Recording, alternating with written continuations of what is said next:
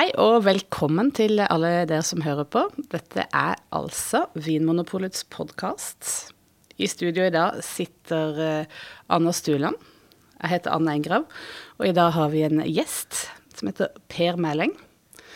Uh, du jobber med spesialbutikkene og auksjonene våre, Per, og du er det som heter seniorproduktsjef for disse utvalgene, ikke sant? Det er korrekt, ja. ja. Og i dag så er temaet vårt Bordeaux. Ja. Selveste eh, klassikeren av de klassiske vinstilene. Sånn jeg tenker på det, i hvert fall. Et etablert eh, merkevare. Og et område. Vinområde. Og dette er du ekspert på, Per, så her skal egentlig du få lov å prate mest.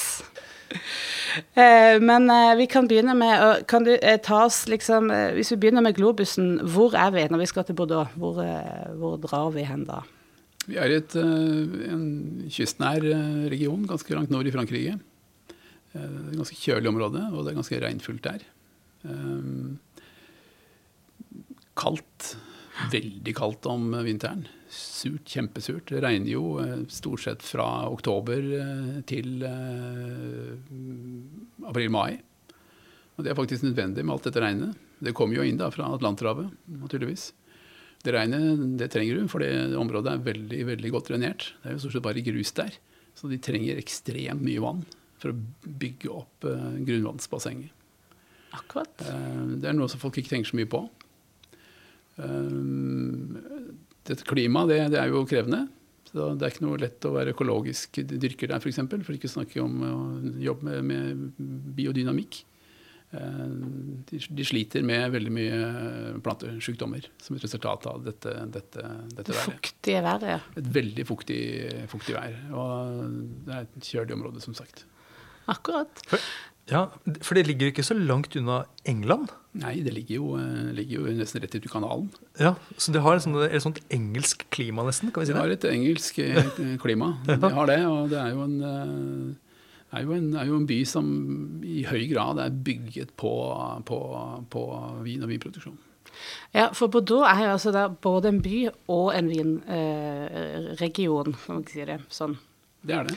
Og hvor, eh, hvor, altså, hvordan kan vi avgrense Bordeaux som vinregion, da? Er det, altså det er jo Medoc er jo da den delen av Bordeaux som nok de fleste nordmenn kjenner best til. Det er også der de mest berømte slottene ligger. Men du har også en østside med Pomerol og Saint-Emilion, som jo er en, ganske viktig og sentral del av, av, regionen. Så har du områdene sør for Blå by, som heter Pessac Lignon, det gamle Grav. Og så har du naturligvis da søtvinsområdene med hovedsakelig av de viktigste appellasjonene er Sauterne og Barsac. Mm. Og nå nevner du liksom eh, top of the pops. Mm. De, liksom de beste områdene. Men så ligger jo noen, det ligger noen litt sånn satellittappellasjoner og litt sånn, litt sånn større eh, definerte Bordeaux-områder. ikke sant? Det gjør det. Ja. Det, det fins en, en, en, rekke mindre appellasjoner. Det, det, gjør det absolutt. Eh, og der produseres det jo da ganske bra vinkvalitet, vil jeg si. Spesielt nå med litt global oppvarming og sånn, så, så, produseres det ganske mye pen vin i de, i de appellasjonene. Men det er da små appellasjoner, da. Eh, men naturligvis da til en helt annen pris. De koster noe helt annet enn, enn det de store appellasjonene gjør. Så det er ganske mye pen kvalitet å finne der for den som leter. Ja. Ja, det er interessant. Bordeaux er et område som er på en måte litt sånn komplisert å komme inn i, for du har alt ifra eh, storproduksjon av, eh, av liksom lavere vinkvalitet innenfor samme område, til det liksom mest berømte vinene omtrent eh, på, i, i, verden. Ja. Eh, så man skal liksom holde tunga litt rett i munnen. Og så er det også et litt annet sånn eh, organisering enn f.eks. Burgund, som vi har en annen episode om, som har, er veldig sånn geografisk forankra, så er eh, Bordeaux en mer sånn eh, slags eierskapsinndeling. kan ja, man jo, si det sånn? Det er jo da veldig mange altså eiendommer, eller det som heter slott. Eh, og de ser jo ikke nødvendigvis ut som slott alle sammen. En del av de minste slottene er jo nærmest å betrakte som garasjer. Eh, men eh, det er stor forskjell da, på, på Burgund og Bordeaux i den forstand at, at, i Burgund som du sier, så har du kommuner og appellasjoner. Det har du for så vidt i, i, Bordeaux også, men det er ikke det folk tenker på. De tenker først og fremst på de store navnene i de, i de store appellasjonene. Disse navnene kjenner vi jo alle sammen. ikke sant? Det er jo store navn. Chateau Lafitte Rochille, Moton Rochille, Chateau Iquem, Chateau Brion osv. Det er store navn. Det er vel nesten ingen som har vært borte i Wien eh, en liten periode som ikke har disse tingene ganske langt frem altså i, i hodet. Mm. Så Det er nok de største navnene og nok den sterkeste merkevaren i vinens verden i dag. Det er nok blå. Selv om den uh, konkurransemessig har, har, har møtt møte på utfordringer i disse tider. Men ved siden av champagne så er uh, utvilsomt den, den sterkeste merkevaren i vinens verden i dag. Og, så når du eh, orienterer deg, liksom din måte å orientere deg rundt i Bordeaux, er det da eh, gjennom appellasjoner, eller er det du går på eh, slott, altså fra slott til slott, eller, eller, samler du, grupperer du det på en måte i appellasjon? Sånn? Jeg tenker alltid på appellasjon, for jeg er veldig opptatt av appellasjonskarakter. Altså den karakteren de ulike appellasjonene har. Eh, mer enn på eiendommer, egentlig. Det er sånn det er naturlig å tenke for meg. Ja, ja, det er interessant. Jeg kunne godt tenke meg å prate litt mer om ja, hvordan, det, hvordan, det, arter seg. Hvordan de ulike appellasjonene smaker, f.eks. Hvis det går an å, å, si noe om det. Men kanskje vi skulle ta litt om Bordeaux sin historie først? Ja. ja. Det, det, er en lang historie, da. Ja, men klarer vi å, lage, klarer vi å si det litt eh, ja, i korte trekk? Ja, altså, I korte trekk så er jo, er jo Bordeaux eh, det som romerne kalte Burdigada er jo eh, den nordlige delen vil jeg si, av Romerriket. Eh, det fins villaer og rester av villaer i, i Saint-Emilion eh, i dag. Under gata til rett ved siden av det, den eiendommen som heter Chateau Gafflier, så har, de, så har, de, registrert at det ligger en villa. Den er ganske svær, men de ser den da. De bruker hva heter disse her apparatet de bruker for sånt da? Et eller annet form for uh, Røntgenapparat? Slags røntgen, ja. ja. Og vi har sett bilde av den, den villaen, og den er lang, også, den er svær. Det er 100 ganger 200 meter eller noe sånt. Og den vil de nok på et eller annet tidspunkt grave ut, men det viser da at på det tidspunktet her sent i Romerrikets historie, egentlig, på 200-300-tallet etter Kristus, så, så, var det ganske livlig aktivitet her. Og de, de dyrket druer, og de laget vin. Så det fins antageligvis døde romere i vinmarkene det i Bordeaux? Det fins det ganske sikkert. det er en sånn snedetanke. Eh, og, så er det, og så er det sånn at uh, den moderne historien eh, starter vel sånn rundt eh, på 1520-30-tallet. Og det, det, er jo ikke den delen av Bordeaux som vi tenker som Bordeaux i dag, altså med dokk. Den gangen så var Medoc stort sett dårlig drenert, eh, stort sett uh, sump, vil jeg si. Ingen havner, ingenting. Uh, men det er områdene rundt byen, eller sør for byen, egentlig. Den første eiendommen som nevnes sånn historisk der det ble produsert vin, og vinen ble da delvis solgt i Frankrike, men kanskje hovedsakelig da i England, som var et veldig viktig marked for, for Bordeaux, det var Chateau Brion. Og, og, og disse vinene er omtalt fra rundt 1660. Um, og det er ganske seint, sånn, hvis man sammenligner med andre klassiske Ja, ja, ja. Vi tenker jo at Bordeaux har vært der, vært der for alltid. Altså at Bordeaux er på en måte noe som er endeløst gammelt og sånn, men det er jo faktisk bare bare sprøyt. Uh, Burgund ble det i hvert fall dyrket og produsert vin i, på i ganske stor profesjonell skala allerede på 1100-tallet. Eh, da var det i dårlig stell, altså, i, eh, i Bordeaux. Handler dette også om infrastruktur? Det handler absolutt om infrastruktur. Det har de i grunnen alltid gjort. vin har jo alltid handlet om tilgang til havner. Eh, for det er jo den måten de fraktet vin på. Veier, veisystemet, bortsett fra romerveiene, da. Men romerveiene var jo hovedsakelig laget for å flytte tropper fra en del av Romerriket til en annen del av Romerriket. Det romerne brukte elvene til, det var jo eh, å flytte på, på Transportere da, uh, ulike ting, men spesielt vin. Vin var veldig viktig, og da brukte de vannveiene. Samme gjelder jo Råndalen. Samme gjelder jo Mosul, det samme gjelder jo Rhinen. Ikke minst Donau. sånn har det alltid vært. Og Bordeaux er så heldig at de har en havn. Og de har tilgang til, til den britiske kanalen og til Atlanterhavet. Det er helt kritisk avgjørende for å, for å flytte på vinden. Mm. Og så på 1600-tallet, som de sier, hva skjedde som gjorde at det på en måte endra seg litt uh, til å bli etablert som uh... Da eh, fant den eh, daværende franske kongen i sin eh, kjøttsommelighet antagelig ut at han ønsket å drenere eh, alle myrområdene i hele Frankrike. Et ganske omfattende prosjekt. Var han lei av mygg? Han var antagelig lei av mygg, Ja. og de slet jo med malaria bl.a. Eh, så og hvem spør du når du har lyst til å drenere? Da spør du de som er gode på å drenere, og hvem er det? Romerne? Det er hollenderne. Oh, ja. Så eh, de fikk en, eh, en brite til å, til å taue inn en masse hollendere, og de drenerte i vei. Over hele Frankrike, egentlig. Men de drenerte da også Medoc. Og, og grunnen til at de drenerte med dokk, det var jo fordi at eh, de som hadde vineiendom i det området som heter Grav, eller Pessac-Lunion i dag, sør for Bordeaux by, eh, ganske mange var misunnelige på de, fordi de, de ville gjerne ha vinmark, de òg. Og så hadde de en idé om at det kanskje kunne være mulig å plante vinstokker eh, der oppe. Men eh, det var ekstremt dårlig drenert der. Eh, så det var ingen som liksom tenkte at det var noe å gjøre der oppe, før, før dette store dreneringsarbeidet da kom i gang. Og, og det ble ganske avgjørende. For når det dreneringsarbeidet var avsluttet, og det er i realiteten ikke avsluttet ennå, for de driver faktisk og drenerer hele tiden, i dag også. Du ser dreneringskrefter overalt i blå hvis du ser etter de. Det er ikke så gode å få øye på, men eh, har du først fått øye på de, så ser du de overalt. Eh, De drenerte, og da dukket det på en måte opp et landskap med grus, grus og grus og grus, og noe mer leire og litt tyngre jordspann innimellom. Eh, De beste vinmarkene ligger da på ekstremt godt drenert grus. Med lag av sand og silt og sånn litt innimellom. Er det bare grus, så renner jo vannet rett gjennom, og da går det ikke an å dyrke noe der. Eh, Men eh, de store appellasjonene, hovedsakelig Margot, Saint-Julien og Pauillac, og særlig de eiendommene som ligger liksom rett ut mot Gironde, de ligger på veldig veldig godt drenert grus. Gironde er da en elv. Det er en elv. Ja. Og, og det er klart at det, det er avgjørende altså for, for den vinkvaliteten. Og de beste, beste vinene produseres, eh, sies det, av, av, på eiendommer som ser, som ser Gironde.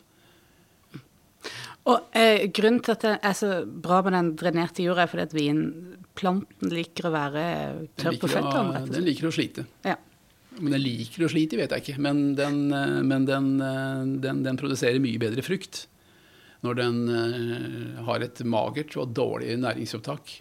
Ikke så dårlig at det er kritisk, men tilstrekkelig til at, akkurat tilstrekkelig til at den klarer seg. Og klarer å, å, å, å, å, å dyrke frem frukt. Det er det avgjørende. Og så er det noe med at et jordsmonn som har en del stein i seg, blir gjerne lettere varmet opp også, eller magasinerer varme på en annen måte. Så det er jo et varmere jordsmonn enn leirholdig jord. Det er et eh, varmere jordsmonn. Mm. Kommer du litt inn innenfor altså Gironde, litt inn i landet Det er ikke snakk om eh, veldig langt heller. Det kan bare være snakk om noen hundre meter, faktisk, i enkelte tilfeller. Så blir det tyngre jordsmonn. Eh, Gironde har jo lagt igjen veldig mye grus. Og eh, da, da isbreene trakk seg tilbake, så la jo de igjen grus. Så, men litt inn i landet så er det mye mer leire. Og Det er tyngre jordsmonn, det er dårligere drenert, og vinstilen er eh, veldig annerledes.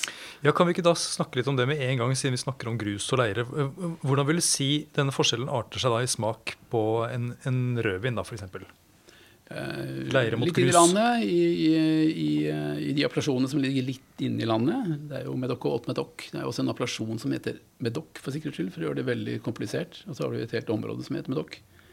Eh, Men Medoc, Haute-Medoc, Listrac, eh, Molis, altså disse områdene som ligger liksom litt inn i landet, de har en god del leire. Og vinstilen er ganske sånn fast og ganske tørr og ganske mørk og ganske trå. Så det er en litt sånn krevende vinstil som selv ikke den globale oppvarmingen har, har klart å liksom bringe veldig mye sjarmerende inn i. For rett og slett med leireholdig jordsmonn så er modninga, går modninga seinere, er det sånn å forstå? Den er litt avhengig av hva du dyrker der. Eh, Men eh, når du kommer litt inn i landet, så, så må du på en måte helst bruke en del Merlot. Merlot blomstrer jo tidligere og, og bygger ganske mye sukker ganske tidlig. Og har gjerne litt høyere alkohol. Og, og, og gir, eh, da i kombinasjon med, med spesielt Cabernet Sauvignon, gir en litt, litt søtere liksom, og litt mer sånn tilgjengelig vintype. Eh, og det er gjerne en god del mer Merlot eh, der inne eh, enn det er eh, ute mot Giron, der Cabernet, spesielt Cabernet Sauvignon-andelen er eh, til dels svært høy, og en god del høyere enn den var både på 70- og 80-tallet. I dag er det jo enkelte eiendommer som er oppe i 90% f.eks., som jo var, var helt uhørt for noen tiår siden. Ja, Det er rart det med Merlot, eh, fordi du sier at de vinene er da faste, og det henger da sammen med jordsmonnet. Men for når jeg har lest om Merlot og Bordeaux, så står det her at det gir bløtere viner. Men Caberneten er så trå der inne. Ja, akkurat så det er den Eh, som og, er problemet. og Cabernet Caberneten har så sterk karakter. Den er liksom så tøff og, og rå at, eh, at selv Merloten klarer liksom ikke helt å gjøre det til en bløt vin.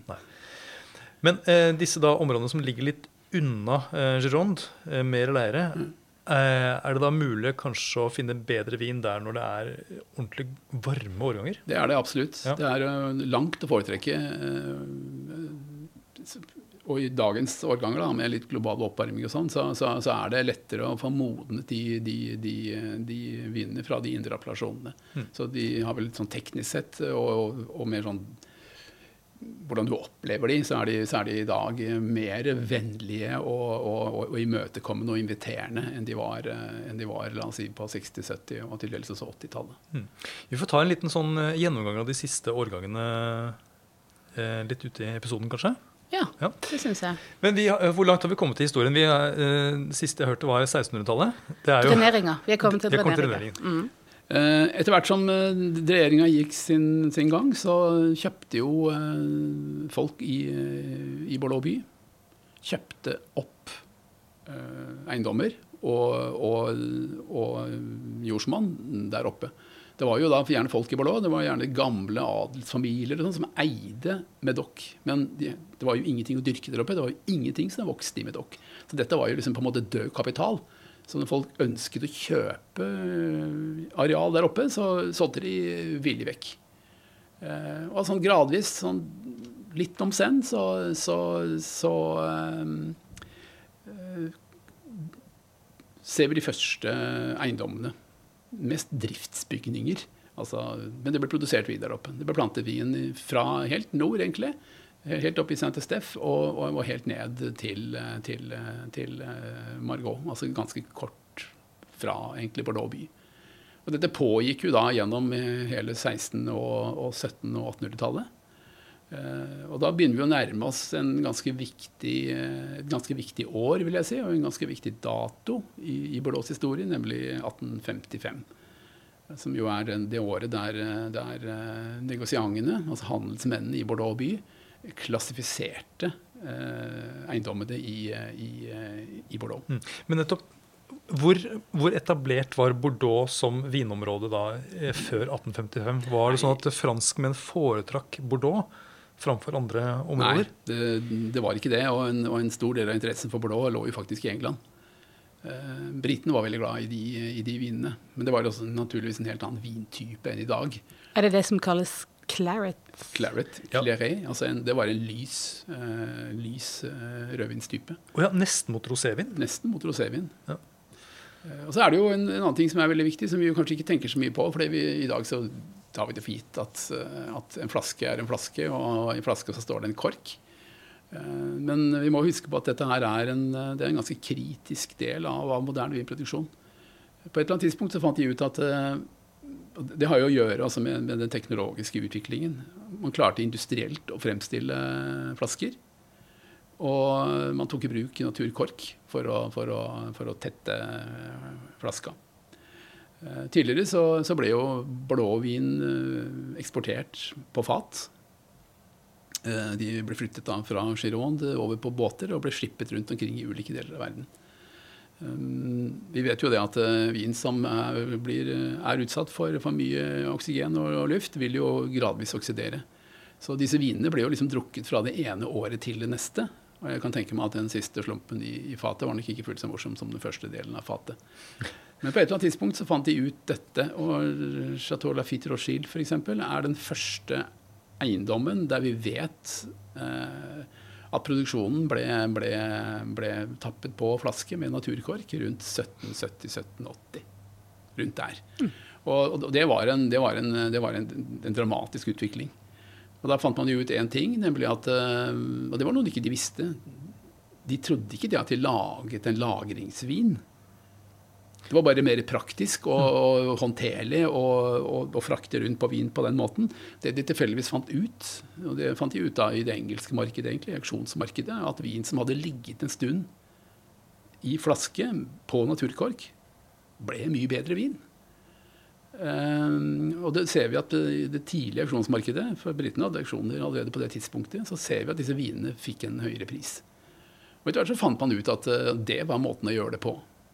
Og engelskmenn de liker jo gamle ting. De er glad sånn- i gamle og lagra ting. ja. og, og, og, de var jo den største avtakeren av disse vinene i, i, i veldig, veldig, veldig lang tid. Mm. Og en veldig stor del av produksjonen eh, uh, gikk til England. Og de gikk da til eh, adelige kjellere. Jeg har smakt en del av de vinene, en del av de såkalte prefilokser av vinene, altså viner fra rundt før 1860. Uh, eh, og jeg smakte ganske nylig, og de er uh, på det beste helt fantastiske i dag. Du har ingen anelse at de kan være 150 år gamle. Prøv å beskrive hvordan smaker en. De er, de har, jeg smakte en flaske Chateau Monrose 1869 i fjor. Den hadde ikke veldig god stand i flaska heller. Det var liksom sånn BC. Vinen var dypt rød. Ja, Du må forklare hva det er for noe. Det er, det, det er den standen som vinen har i flaska. Altså, det vil alltid tappe tappehøyden i flaska. Ja. Hvor mye vin det er igjen? Ja. den vinen var dypt rød, kjempesunn. Ikke noe degenerering på, på, på, smak eller lukt. Det var en helt fantastisk opplevelse. Og jeg smakte den samme vinen fra den samme kjelleren. De ble kjøpt i England i rundt 1970 for eh, ganske mange år siden. Jeg smakte den første flaska i 1989. De var helt identiske. Så de sånn bare de frosser i tid? De, de, bare frosser. Og i britene hadde veldig kalde kjellere, det vet vi jo. Så disse vinene hadde ligget da på mellom 4 og 8 grader eh, fra 1870 til 1970, eh, altså ja. ca. 100 år. Ja. det er ja, nei, det er god kjellerkapasitet. Ja, da, for da går jo ting saktere, selvfølgelig. Da går det veldig, veldig veldig langsomt. Mm. Nettopp. Så 1855, ja. Klassifiseringen av 1855. Ja, det er en 1855 eh, er jo et sånt år som, som, eh, som jo er et, et, et, viktig år hvis man på en måte kjenner sin, sin europeiske historie. Og det har noe å gjøre med at uh, på den tiden så drev man med noe som heter verdensutstillinger. Og den gangen så ble verdensutstillingen holdt i Paris i 1855. Og som, en, og som en, en, et, et, salgsfremstøt da, så fant de ut Det var det da negosiantene, altså de som solgte vin og flyttet rundt på vin i Bordeaux, de klassifiserte da disse eiendommene. De satte opp en liste. Fem ulike klassifikasjoner. Første, andre, tredje, fjerde og femte crew. Fem, fem nivåer? Fem nivåer. Mm. Eh, og hvordan bygget de den klassifikasjonen opp? Jo, de, de, de bygde den på grunnlag av eh, oppnådd pris i de siste eh, ti årene før klassifikasjonen ble foretatt. Og den, og den, den lista den, den, er veldig kjent i dag. Den er på en måte forbilledlig òg. Den er forbausende konsistent, altså. Så kan du diskutere. Du kan diskutere hvorfor Chateau Palmer f.eks. havnet som en tredje crew. Eller hvorfor Motor Rothschild eh, ble en annen crew. Altså, det er ting du kan lure på. Men sånn, i det store og det hele så er den en ganske god eh, veiviser for, for, vinkvaliteten også i dag. Og hvor mange slott var det totalt med i eh, disse fem nivåene? Altså det, det, er jo eh, alt fra en, en liksom et halvt dusin til du liksom kommer ned i annen crew og tredje crew og fjerde crew. Og, og det er, Jeg husker i farten ikke hvor mange klassiserte eiendommer det er. Er sånn omtrent uh... Nei, Jeg vil tippe at det ligger en, en 10-15 Det ligger en 15 10-15 og pluss litt nedover, mm, også på fjerde og femte crew. Så, så, det er jo en, vi snakker om en del dusin eiendommer, da. Uh, ja, Så vi er oppe i nesten 100 slott totalt? Ja, noe sånt. Med lista. Litt i underkant, ja. ja. Eh, men sånn i 1855, var det da så å si rubbel og bit av de uh, slottene som da tappet på flaske, eller var det da noen som var utelatt? Nei, På det tidspunktet så tappet jo alle flaske. Uh, for det hadde man jo begynt med på det tidspunktet der. Men, men de var opptatt av Medoc. Det eneste eiendommen som ble tatt med fra Pessac Union, var Aubrion. De fikk jo først sin klassifikasjon i 1959 f.eks. Den eneste hvite vinen som ble tatt med, var jo Chateau Yquem, som er en søtvin, en dessertvin egentlig. Eh, den øvrige delen er, er, er Medoc. Ja. Så i Medoc da fikk alle være med i lista, eller var det noen som ikke fikk lov til å være med? Nei, Det var noen som da var så dumme at de takket nei, da. Oh, ja, de fikk et tilbud. De fikk et tilbud. Det var, det var, ikke, noe, det var ikke noe, det var ikke noe sånn tysk disiplin over dette. Eh, Det var, de, de ble forespurt, og særlig én eiendom, eh, som heter Chateau Landessan, eh, takket nei. Han syntes det var en kjempedårlig idé. Ja. Det var nok den dummeste tingen han tappet, eh, takket nei til i hele sitt liv. Den eiendommen ligger, eh, den ligger eh, i avstand noen hundre meter, vil jeg si. Altså i luftlinje, kanskje en halv kilometer, fra Chateau Gros-la-Rose, som ligger i, i Saint-Julier. De lager, etter min vurdering, veldig gode viner. Men og jeg tipper at han hadde fått en fjerde eller femte crew-klassifikasjon om han hadde takket ja til tilbudet den gangen. Det gjorde han ikke. Og det har påvirket prisene på de vinene ganske betydelig helt frem til i dag. Men det har aldri vært mulig for han å, komme, å ombestemme seg. Det var det nei-et, det var alt. Det var, eh, det var eh, det lille vinduet du hadde. Men ja, så- sånn at alle de andre slottene som har kommet til, da, som ikke laget vin i 1855, eh, men som har kommet til i Medoc seinere, de har jo aldri da fått sjansen til å bli vurdert eh, for å komme med igjen i denne lista. Nei, for den, den, den har jo ikke endret seg. Altså den, den, den Mateau eh, klarte å karre seg opp fra annen til første crew eh, i 1973. Ja, for de Takket være det jeg vil kalle solid lobbying. Eh, eh, så kan man lure på hva man legger i det ordet. Men eh, han fikk noe til. Eh, og det er vel omtrent den eneste forskjellen eh, i den lange perioden. Ja. Så er det jo sånn at en del av de eiendommene, mm, spesielt kanskje da i den appellasjonen som heter Margot, ganske mange eiendommer som den gangen ble klassifisert annen og tredje crew, har nok laget, vil jeg si, veldig ordinær vin i, i, fra 1855 og helt frem til i dag. Eh, og som kanskje ikke fortjente den, den, den plassen eh, i en sånn type klassifikasjon. Men ganske mange av de slåttene har i dag, de siste ti åra, løftet seg veldig. Og det viser jo nettopp det at eh, det var ikke tilfeldig den gangen at de ble klassifisert som en annen og tredje crew. For de har faktisk et potensial i jordsmonnet til å lage vin av høy kvalitet. Men det er konjunkturer, ikke sant? det er investeringer, det er mange forhold som gjør at ikke du klarer å optimalisere kvaliteten. Eh, Blant annet så har jo ganske store deler av den perioden vært ganske vanskelige økonomiske tider for, for, for Frankrike og for Europa. Og det var ganske mange som ikke da hadde, hadde de økonomiske evnene til å, til å, til å kapitalisere på, på det du har under bakken. Men hvis jeg skulle kjøpt da en skikkelig god Medoc, eh, og så Men eh, er det mulig å gjøre det uten å kjøpe en vin som er eh, fra 1855-klassifiseringen? Ja da, det, det er det definitivt. Det, det er jo det. Det finnes jo et, et, et mylder av, av Cru Bourgeois, eh, som er da en lavere klassifikasjon, da. Nettopp klassifikasjonen er under 1855. Under, under eh, første til femte crew. Og de har kommet til etter De, eh, 1855. ja, per i dag så er det jo sånn at eh, den klassifikasjonen blir jo, er i dag laga sånn at vinene må testes fra det ene året til neste for å, for å få den klassifikasjonen.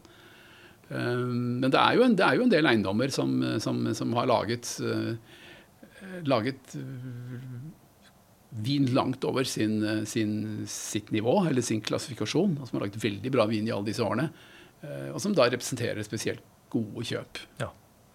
Det er, det er en lang rekke sånne eiendommer, også i Medoc. Og også andre deler av, av Bordeaux, naturligvis. Og hva er det de eiendommene gjør da, for å liksom få ut det potensialet og lage en skikkelig god vin? Hvilke valg er det de gjør? det har jo veldig mye med eierskap å gjøre. Helt sentralt. Har du gode eiere og langsiktige eiere, eh, og da er det ofte en fordel at ting forblir på en måte mer eller mindre i samme familie over lang tid. Folk som har ambisjoner og som er opptatt av å lage bra vin. De, de, det finnes eiendommer i, i Medoc eh, i dag som, som har laget god vin i, siden eh, altså, tidlig på 50-tallet, egentlig. Og, og, og, det er eiendommer som, som holder eh, og i lange perioder har laget atskillig bedre vin enn en, en klassifiserte eiendommer i, i Medoc. Å tenke langsiktig, ja. Eh, så hva, eh, hva, ja, hva betyr det? da? Sånn, er det handler det om vinmaking, eller hvordan du skjøtter ja, vinmarkene? Det handler veldig de... mye om å skjøtte vinmarkene. Ja. Så handler det veldig mye om trender og sånn. da. Eh, det var jo en sånn periode, på, særlig på tidlig 80-tallet, der alle folk, eller veldig mange folk, røsket opp veldig veldig mye bra Cabernet Sauvignon-stokker. Gamle stokker, og plantet Merlot på, på, på grus. Fordi at eh, markedet den gangen var veldig opptatt av Merlot. Robert Parker kom, og han var opptatt av Merlot. Så de, så de, de ødela jo i realiteten vinmarkene sine ved, ved, ved, å plante en drue som, som, som, ikke passet på det jordsmonnet de ble plantet på. Eh, så det er sånne ting da, som, som, slår inn. Vi ser jo at mange av de eiendommene i dag for eksempel, de går jo tilbake. De røsker jo opp all den merlon som ble plantet på feil jordsmonn den gangen, og plantet Cabernet Sauvignon. Ja, for, bare for å ha sagt det, eh, sikkert mange som vet det, men det er altså eh, når du lager rødvin i Bordeaux, så lager du det hovedsakelig da på Cabernet Sauvignon og Merlot. Ja. Men er det noen regler for hvor mye altså denne klassifikasjonen, inneholder den også noen regler for hvordan du skal lage vin? Altså? Nei. Nei. Um, men historisk sett så har det jo, så har det jo um, altså På, på 1800-tallet så var det jo langt flere ulike druesorter. Lokale druesorter i Bordeaux enn det er i dag. Eh, men etter hvert så var det noen, noen, noen druesorter som, som utkrystalliserte seg, som ble viktigere enn andre. Det er da i første omgang Cabernet Sauvignon. Det er til dels Cabernet Franc. Det er uh, Merlot. Det var de tre sentrale. I dag så er det en god del Petit Verdot som bl.a. brukes. Ofte ikke mer enn et par-tre prosent, men noen er oppe i 8-10 f.eks. Eh, og dette forandrer seg litt. Nå er det f.eks. Eh, mulig å plante Tempranillo for eksempel, i, i, i vinmarkene i Bordeaux. Den er, den er nå godkjent som, som, lovlig brukt drue i, i Bordeaux. Jøss. Yes. Så hyggelig. Det er sånn hyggelig nikk mot, eh, til Rioja, som har hatt litt sånn tette bånd med, De har hatt med tette Bordeaux. Mm. Ja, tette bånd. Kanskje vi også skal si noe om uh, Phylloxera. Ja. Det bør vi kanskje si noe om. For det er noe som eh, kanskje noen har hørt om, men som kanskje ikke folk tenker at er så viktig til, til syvende og sist. Men det er jo ganske viktig da, for mm. å forstå Bordeaux. Fyllokser er, er, da vinlusa. Den, eh, den, den, den, ankom Europa fra, fra USA. Sannsynligvis på slutten av 1840-tallet. Kanskje så sent som 1850. Den kom eh, via England på det tidspunktet så var det veldig populært å ha, å ha eh, eksotiske planter i, eh, i, hjemmene sine. Eh, og britene hadde jo bygget dette eiendommelige huset som heter et drivhus. Crystal Palace. Noen som har hørt om det? Ja. ja. Verdensutstillingen i, En tidlig verdensutstilling som ble holdt i London, ble jo, ble jo lagt til dette såkalte Crystal Palace. Det var bygget av stål og glass. Det var et helt fantastisk bygg. Supermoderne i sin tid. Det brant ned på et eller annet tidspunkt. Men mikroutgaven av det er jo et drivhus. Og britene var veldig opptatt av, av, eksotiske planter og alt som kunne plantes i et drivhus. For denne gangen så var det jo ganske kjølig og kaldt her, men det trives. det var ganske gunstig. Da kunne du få tomater, og da kunne du få ferskener, og da kunne du få alt mulig rart. Og ikke minst så, så hentet de jo da drue, altså druestokker fra, fra, USA med på lasset. Så kom det jo da en, et, et, et, udyr som heter eh, altså den berømte vinløsa. Det holder. Eh, den massakrerte jo da europeiske vinmarker. Altså virkelig. Det står veldig mørkt ut for, for vinproduksjonen i hele Europa. Og de, de, prøvde å kurere eller ta knekken på den vinlusa på alle mulige merkelige måter. De mest utrolige måter å, å, å gjøre det på. Noen fungerte sånn litt delvis, bl.a. Ved, ved å forsøke å drukne de, f.eks. Mm. Og de, de, prøvde med svovel, de prøvde med alt mulig rart. Men det eneste som til syvende og sist virket, det var jo da å bruke den amerikanske vinstokken, som var resistent mot denne vinlusa. Så de måtte da replante alle vinmarkene i Frankrike og Italia og hele Europa. Kan tenke deg hva slags jobb det var. Vi snakker jo om liksom mm. milliarder av, av, av, av vinstokker. Mm. Men det tok fullstendig knekken på, på, på, mer eller mindre fullstendig knekken på Bordeaux i perioden mellom la oss si, Selv etter at vinlusa hadde kommet, så tok det jo tid før det liksom ødela vinmarkene ordentlig. Men la oss si rundt 1870-80 så var det dårlig stell, altså, i, i, i, i Bordeaux. Ja, så de fikk da en opptur med 1855-klassifikasjonen. fikk de. Og så gikk de rett ned. Og all interessen Og så gikk de på en, på en kraftig smell. Og jeg vil si at uh, vinproduksjonen i Bordeaux er først ordentlig i gang igjen rundt 1900. Ja. Men da er det på ganske unge vinstokker. Og gjorde de da noen endringer? For de hadde, da, hadde jo en mulighet til å gjøre en endring hvis de var misfornøyd med druetyper eller eh, sånt. Var det noe de gjorde annerledes når de plantet det på nytt? Nei, de, de gjorde ikke det, men de plantet vinmarkene mer systematisk. Altså de, de tenkte liksom mer på, på retning og sånn i forhold til sol og, og sånn, for å få best mulig modning. For de var ikke plantet like smart som de, de, de var eh, før filoxeran satt inn. Så ting ble gjort på en mer vitenskapelig og, og, og, og grundig og mer gjennomtenkt måte. Mm. Men eh, det er klart, det var ganske unge stokker. Og det, det er jo de som hevder at, eh, at eh, vinene før, la oss si filoxeran, var bedre enn de som produseres i, i Bordeaux i dag. Det blir en litt sånn hypotetisk problemstilling. Men de gamle pre-filoxera-vinene jeg har smakt, de beste av de, har vært helt fantastiske. Jeg er litt usikker på om det lages like bra vin i dag. Men igjen, hypotetisk. Du får lagre det et par hundre år Du. Får lagre det i et par hundre år. Ja. Men har det, har, det noe, eh, har det skjedd noe annet viktig da i Bordeaux sin historie etter, eh, etter vinlusa? Ja, så det er jo en um, Kom 80-tallet? Kom det skulderputer og sånn i Bordeaux? Bordeaux? Ja, det er jo en det, det skjer jo Jeg vil si at det, det som skjer mellom eh, la oss si 1900 da, og, og et stykke opp på 1970-tallet, er egentlig ganske lite. Men når er det alle disse Jeg har hørt noe snakk om petit chateau, Ja. altså småslott. Mm, Når er det alle disse dukker opp? Ja, de, de har, dels har de vært der hele tiden, og til dels så har de jo salt vin til de store kooperativene.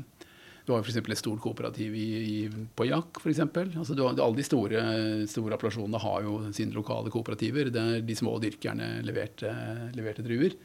Men etter hvert da, så er det jo ganske mange eiendommer eh, som eh, prøver seg ut litt sjøl. Kanskje de har en 10-15-20 hektar et eller annet sted i Innlandet, og så prøver de eh, på å se hva de kan få ut av den produksjonen. Kjører du gjennom Istedenfor å kjøre, kjøre inn mot Medoc helt sør, men kjører liksom litt lenger nord, så kjører du inn i, inn i Haute og der kryr du av små, små såkalte slott.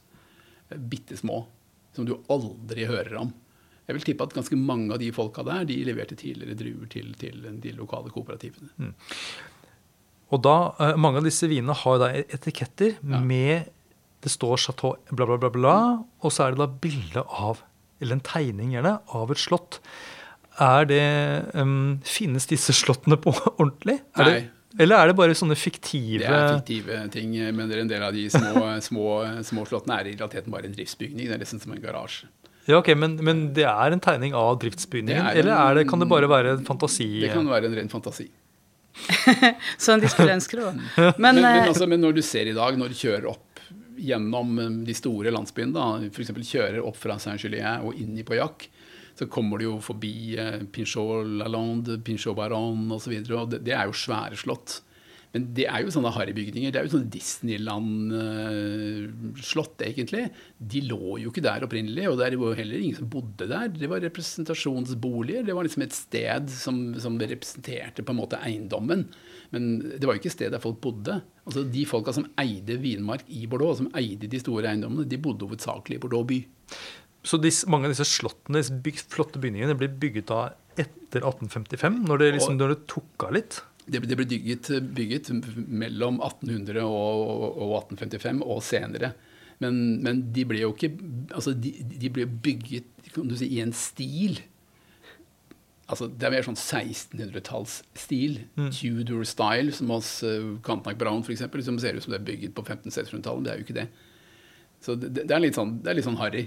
Sånn type sånn, eh, folk som har fått litt penger, og som har lyst til å ha, en, å ha, en, ha et slott oppi, oppi Medoc.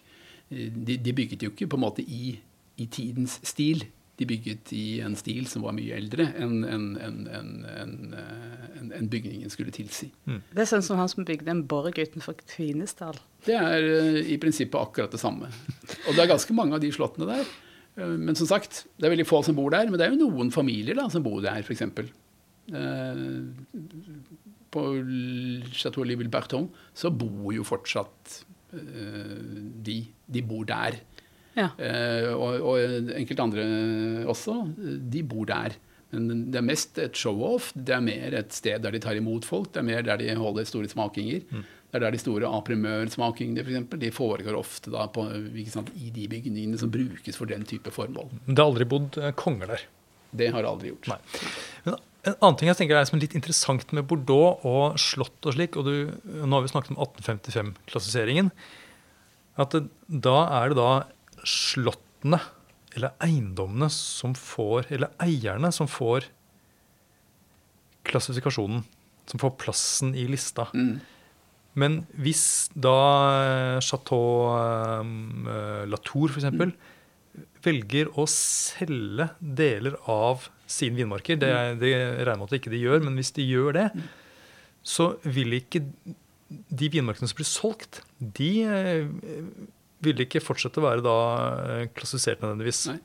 Fordi det går da over til en annen eier. Og hvis da eh, de velger å kjøpe nye vinmarker, så vil da de komme inn under klassifikasjonen. Ja, det er sånn det foregår. Hvis Chateau Palmer eh, kjøper to små parseller fra en, fra en la oss si en femtekru i ja, samme appellasjon, så kan de i prinsippet eh, legge det druematerialet inn under Chateau Palmer. Og så jekkes det opp ja, altså ja, i, i så, så, kan du si at det vil, er det tenkelig at de ville ha kjøpt en 50 crew, noen, noen parseller i en 50 crew, for å, for, for, for å, styrke på en måte kvaliteten på Chateau Palmer? Nei, det tror jeg ikke de ville ha gjort. Men du har noe som heter andre viner. Du har ikke bare en førstevin, men du har også nesten alle de, alle de klassifiserte eiendommene i, i, i Medoc lager jo andre viner. Andre viner betyr at de bruker en del av druematerialet som tidligere gikk i det som heter Grand Vin, den store vinen. Det bruker de nå til å produsere andre viner. Eh, og det er en ganske god idé. For det betyr jo at førstevinen vil jo tjene mye på det. Og andrevinen vil jo bli mye bedre, fordi at uh, mye av det som tidligere gikk i førstevinen, går nå i andrevinen. Så egentlig så vinner både førstevin og annen vin på det. Og så er spørsmålet hvorfor lager de en førstevin og en annen vin? Grunnen til det er at du kan tenke deg en eiendom på 40-50 hektar. Da. Det er ikke alt druematerialet fra den eiendommen som er like bra. Ja, vi må kanskje si litt om hvor, hvor stort det er. Et, en hektar. En hektar er det omtrent Det er 100 ganger 100 meter. Omtrent en fotballbane? Det er, det er svært. Mm. Altså, det er svært. Og du, og du, kan tenke deg Noe ligger kanskje litt dårlig drenert nede i en dump. Noe ligger kanskje litt dårlig soleksponert. Enkelte steder så er det dårlig drenert uh, av andre årsaker. Kanskje, det er ikke godt, kanskje ikke de har drenert godt nok der. Uh, det kan være unge vinstokker. altså you never know. Det kan være ganske mange gode grunner til at en god del av det druematerialet ikke skal opp i første vinen. Og da har de da denne, denne, denne, denne boksen som heter annen vin.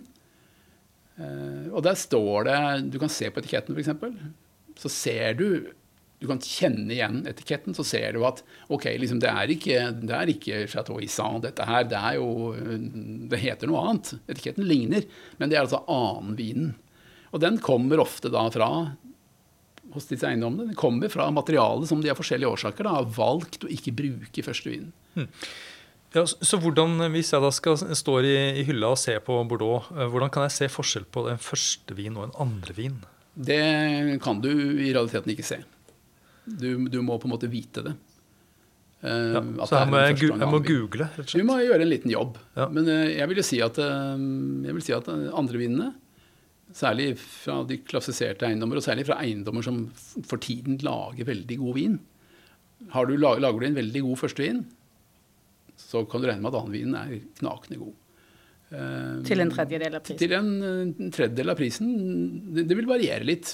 For det, det varierer litt. Men du kan få en, kan få en kjempegod annenvin til en, en, la oss si 300-400 kroner. Eh, og også til og med litt mindre. Der klassifikasjonen eh, Jeg vil tippe at Jeg vil tippe at eh, på 70-tallet vil jeg nesten si at, eh, at, eh, at førstevinene var dårligere enn annenvinen er i dag. I mange tilfeller. Så det er, eh, For å virkelig få liksom smaken på hva en ordentlig god medokk kan være, så vil jeg si at det er bedre å kjøpe en god annenvin enn å kjøpe en, en, en, en åttende dokk fra et dårlig drenert jordsmonn langt inn i Utegeita, bak, bak Gironde. Vi var kommet til 80-tallet. Var vi det? Ja. Du nevnte et navn, Robert Parker. Det er en amerikansk vinjournalist. Hva har han med eh, Bordeaux å gjøre? Han har veldig mye med Bordeaux å gjøre. Han er jo den som uh, Han kom inn på riktig tidspunkt. Jeg vil ikke si at eh, Robert Parker har noen sånne type kvalifikasjoner, uh, sensorisk eller ellers, som, som, som, tilsier at han Det var bare han som kunne gjort den jobben. Men han, han kom inn på et tidspunkt med denne berømte 1982-årgangen i, i Bordeaux han eh, kommer inn med en litt annen forbrukergruppe.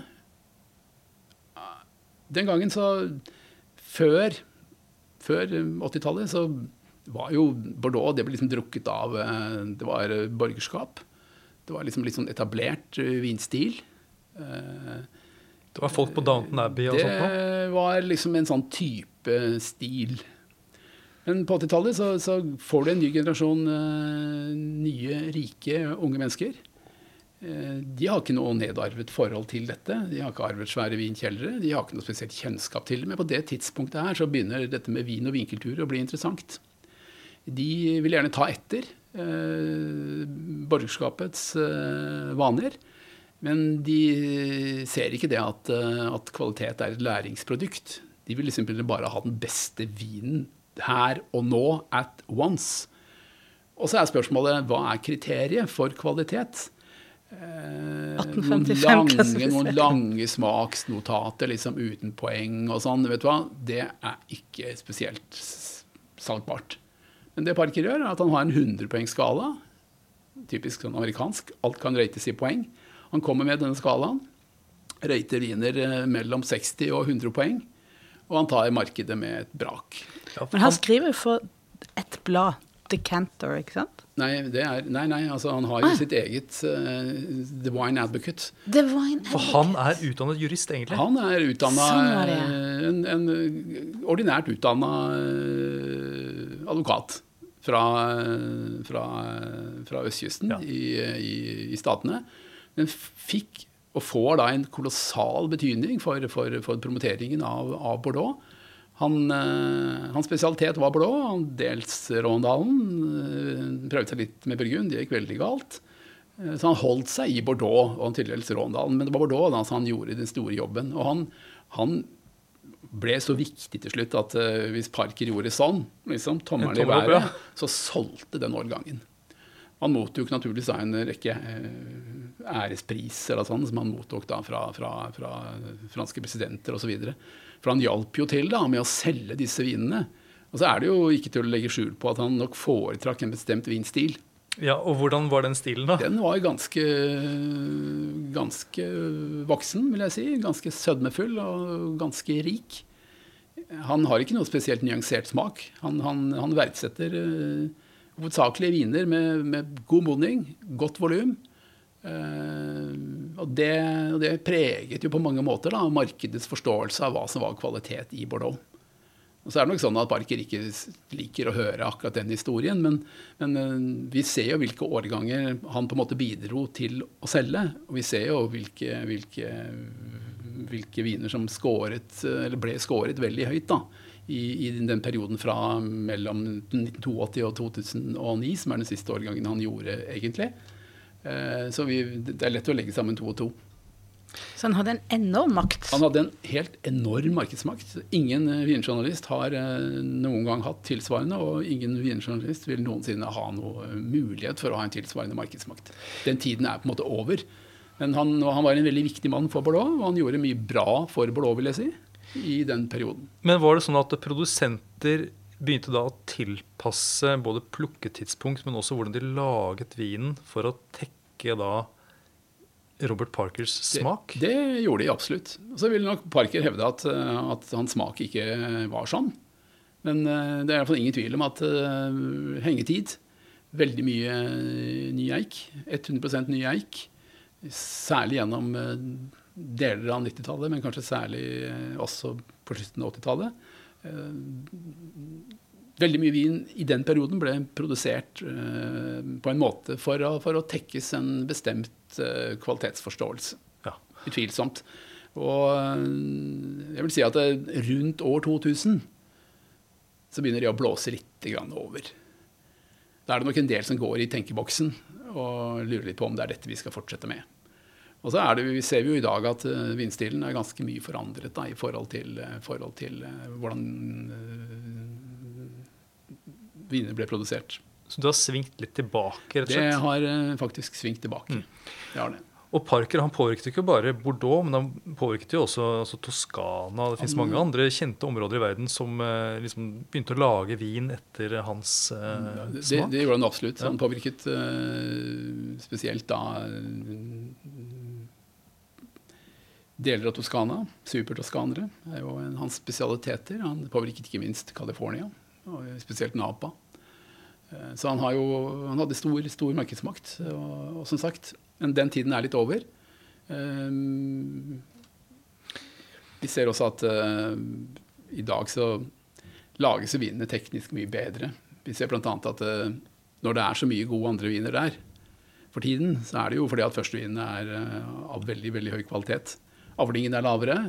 Hvitkulturen er, er, er, mye, mye, mye mer raffinert.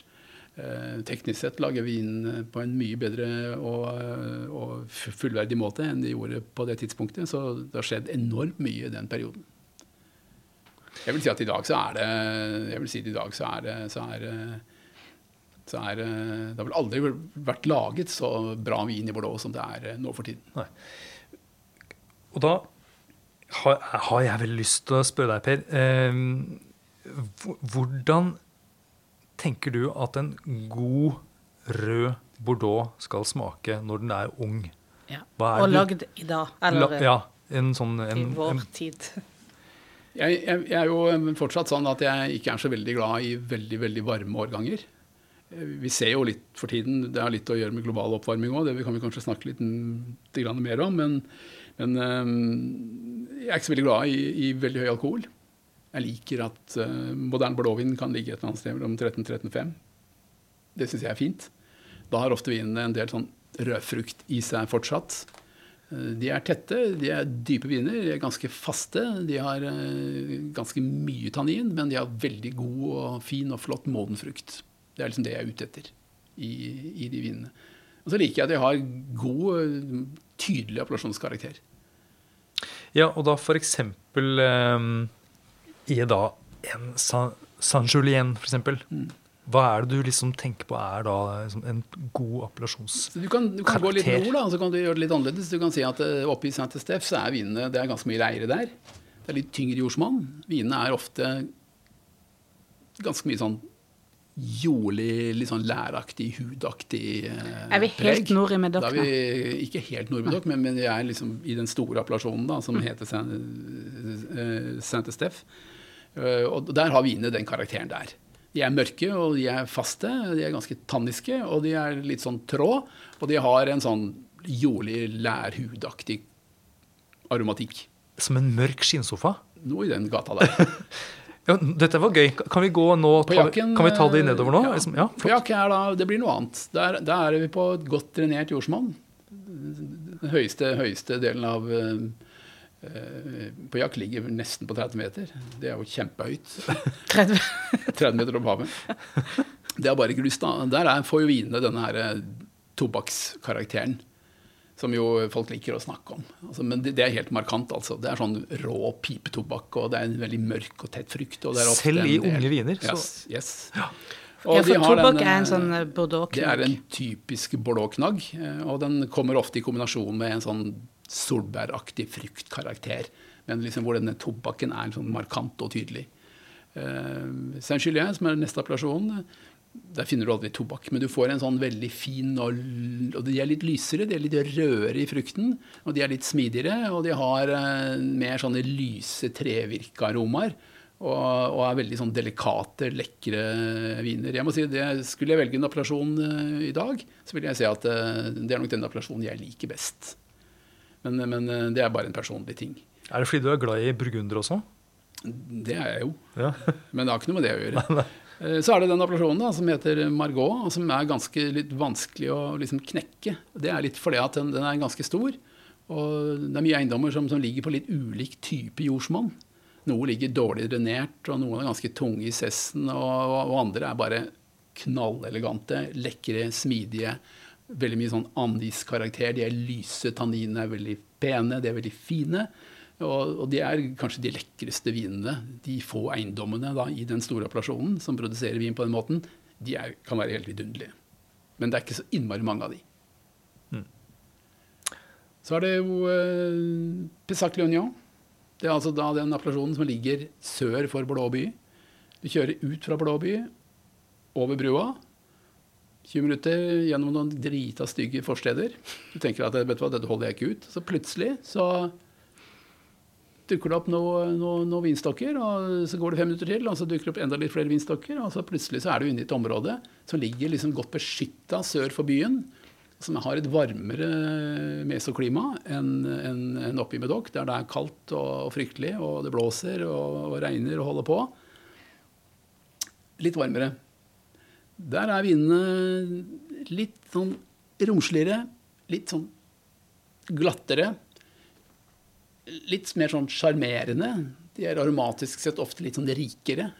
Har ofte sånt, en sånn karakter av noe sånn røkt, brent noe. Litt sånn myraktig, syrlig ved seg. Eh, De er veldig delikate, og de er litt sånn understated. Det er ikke sånne viner som er sånn superekstroverte og svære liksom, og tanniske liksom, og dype og rike som en del av medokkerne. De er litt, litt mer sånn disiplinerte. Litt finere vintyper. Jeg er veldig glad i de. Jeg har lært meg å sette gradvis mer og mer pris på de. Så det er et område jeg personlig setter veldig stor pris på. Og det ligger en god del bra eiendommer der. Eh, Der ligger bl.a. Aubryon fra 1860-tallet, som jo var den første eiendommen som solgte vinene sine i sitt eget navn. Eh, Så det, det, er en, det er en veldig god kilde til eh, røde viner, men det er også den desidert beste kilden for hvite viner i, i Bordeaux. Vi tenker at Bordeaux er et rødvinsområde, og 99% av de folka som tror de har greie på vin, de, de tenker at det, dette er et rødvinsområde. Men faktum er jo at noen av de beste hvitvinene som produseres i Frankrike, produseres jo faktisk altså sør for Blå by, i, i Pessac-Lunion.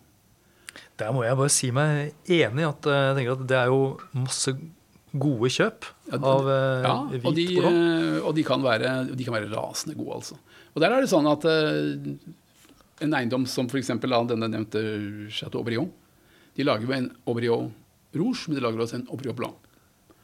Uh, og det gjelder også en del av de andre eiendommene. De lager både rødviner, og de lager rødviner og hvitviner. Og de lager dem på en blanding av uh, Semillon og, eh, og uh, Så er det Sauvignon Blanc. så så er det Sauvignon Blanc. Ja. Det kan være litt sånn miks. Ofte så er det sånn at Sauvignon Blancen bidrar jo liksom med sånn krisphet og friskhet og frukt og, og den karakteren. Mens Semillon bidrar litt mer med fedme og, og litt tyngde og litt sånn glatt munnfølelse. Fylle litt ut. Fylle litt ut, og det, det kan være en fordel. Det fins en del eh, 100 Sauvignon Blanc i, i, i, eh, i Pessac Léognan. Jeg syns ofte de vinene blir litt sånn skrinne. De er veldig aromatiske, men de blir litt skrinne. Eh, Jeg syns det er greit med noen dråper med, med, med Semillon. Det fyller litt ut. Og så er de ofte fatlagre. Det er alltid fatlager. Ja, Det er jo morsomt, fordi Sander Blanc er jo druen da som mange kjenner fra Sancerre f.eks. Ja. Eh, men så dukker den da opp i i Bordeaux også. Og der, eh, min erfaring er at eh, mange av disse eh, hvite bordeauxene de kan jo lagres lenge. De tåler, eh, de tåler ordentlig lang lagring, og jeg syns det er på en måte en undervurdert vintype. Eh, Vi ser at for nordmenn så skal det helst stå Riesling på etiketten, eller så skal det stå Chardonnay. Veldig vanskelig å få de folka som er interessert i å drikke hvit burgunder, til å drikke hvit bordeaux. Altså herved en oppfordring. Veldig veldig vanskelig å få det til det. altså. Det sitter så langt inne å, kjøpe en hvit bordeaux. Det er rart, for det er jo også fantastiske matviner. De er kjempegode matviner, og de er holdbare. Og de har en veldig interessant og god utviklingskurve. De tåler god tid på Og de, og de utvikler seg bra og pent. Og du kan være rimelig trygg på at de kommer bra ut i den andre enden. Det, sier, det tar oss jo over til dette med lagring. For Bordeaux er jo en eh, lagringsvin par excellence. Ja, men jeg bare, bare lyst før vi begynner med det Fordi nå har vi snakket eh, om stort sett det som kalles vestsideappellasjoner, ikke sant? Mm. For det er jo en østside også. Det er en østside. Ja. Det er en øh, Det er jo da hovedsakelig Der er det ganske mange små appellasjoner. Av litt sånn varierende interesse, da. Litt sånn varierende. Men de, de to store appellasjonene, det er jo klart Pomerol. Som jo, om ikke er en stor appellasjon, så er det iallfall en, det er i hvert fall en liten appellasjon, men den er veldig berømt etter hvert. Og så har vi jo da Saint-Emilion, som jo er en, eh, en, en, en, et, et, et kalksteinsmonster av av av eh, av en topp. Som, som ligger liksom in the middle of nowhere. Det er jo litt uvanlig som du bor Det Bordeaux-sammenheng. er ganske uvanlig. En- Vindmarken der ligger jo på, ofte på grus og, og kalkholdig jordsmonn. De ligger gjerne i åssidene. Um, og det kan være veldig pene viner. Der er jo det et av de områdene der um, Cabernet Franc fortsatt brukes en del. Cabernet Franc har jo er brakt i ganske stor grad i diskreditt, vil jeg si, i Medoc. De synes ikke at de får modnet den tilstrekkelig. De synes at, at eh, Cabernet Francen blir grønn og urtete og umoden, og de vil ikke bruke den i, i Medoc-druemiksen. De bruker den litt i, i det litt varmere Pesac Leonia. Der er det varmere, men det er, den trives veldig godt i den varme grusen i, i, i, i, i. Mm. Og i Pomerol er det mye Merlot. Der er det stort sett eh, bare Merlot, men, eh, men for, der er det leire. Den ligger liksom på en måte over platået når du er på toppen av, av Saint-Emilion. eh, og, og kjører liksom rett over toppen, så, så er jo etter bare noen få ytterst få minutter så er du inne i denne bitte lille søvnige landsbyen som, som, som heter Liborn. Og der er eiendommene bitte små. De er sånn eh, bare noen få hektar, egentlig, mange av de. Der ligger jo Petrus og disse kjente, kjente eiendommene som er jo for ikoner å regne i dag, men som allerede, men, men som, la oss si, helt frem til 1970 så var de vinene De ble regnet som eh, uinteressante og, og, og, og ikke vært liksom eh, noe i nærheten av en topp, topp med dokk. Nettopp, så det var ja, håp for de som kom etter 1855 også. Jeg husker, jeg, jeg husker jo Christian Moix fortalte meg en gang, det er jo han som, som, som da eh, er ansvarlig for Petrus. Han sa at jeg, så sent som i 1970 så sto jeg på gata liksom, og veiva etter turister for å få dem til å komme inn og kjøpe Chateau Petrus. Det var ingen som gadd. Just. Det er ikke så mange år siden, altså. Det, tross alt, eh, I 1970 så var jeg 15 år, så, så det er ikke så lenge siden. Men uh, en mann som bidrar da, i veldig høy grad til å sette Pomerol på kortet, var jo da eh, Robert Parker. Som jo da likte de vinene veldig godt. For i litt modne år, sånn i årgang som 1990 og, og 82 og, og, og 89 og sånne årganger, så blir de vinene ganske svære. De bygger ganske mye sukker og ganske mye alkohol. Og de har veldig svær munnfølelse, og de er veldig rike og kremete. Og, og, og det var vin han likte godt. Og han hjalp nok veldig godt til med å, å få satt den, den, den appellasjonen på, på kartet. Ja, For nå snakker du om egenskaper som, som generelt for eh, Pomerol. Ja. Ja. Og Pomerol er jo det er Merlot. Mm. Så er det jo sånn i dag da, med global oppvarming osv. at det er ganske mye vin der. Altså hvis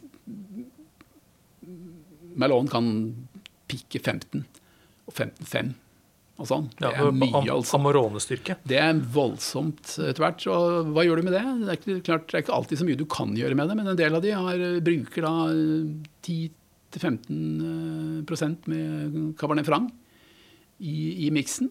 For det gir et løft, aromatisk løft. Vinene blir litt rødere, og de blir litt friskere, og de får dempe alkoholen. Eh, Så det er en måte liksom, å møte den utfordringen på. Nettopp. Og så var jeg ikke helt ferdig med vår reise rundt i Bordeaux, egentlig. Jeg Nei, etter. Fordi, fordi vi hadde jo nå kjørt gjennom Bordeaux by og videre liksom innover langs elva. elva. Og da kom vi til Pesak Luangdang, Lian, ja. Som du snakket om, det, Per. det, det, er, det, er, det er rett over elva og rett sør. Ja. Men så hvis du må kjøre enda lenger, Mm. så kommer vi jo til søtvinsappellasjonene. Der kommer vi til septisappellasjonen, og de Vi er det jo flere glemme- av. Vi må ikke glemme dem. Nei, de må vi ikke glemme, selv om det er ganske mange som har glemt de, dessverre. Ja. Um, For der ligger jo Sotern. Der ligger Sotern, og der ligger Barsak. ja. Og det er jo et eh, Vi må snakke litt om dem. Ja, og de er det verdt å snakke om. Eh, Henrik Ibsen drakk Chateau Yquem til avkokt torsk på sin 70-årsdag, f.eks. Det har jeg hørt rykter om. det høres ut som en ganske motbydelig kombinasjon, spør du meg. Eh, Dette er jo en knakende søt vin. Dette er jo vin som er laget på, på, på, eh, på, på druer som har, eh, som har vært som er tørka egentlig inn naturlig pga. botrytis. Som det er en, er Som som er, en, råte. som er en råte, ja. Ja.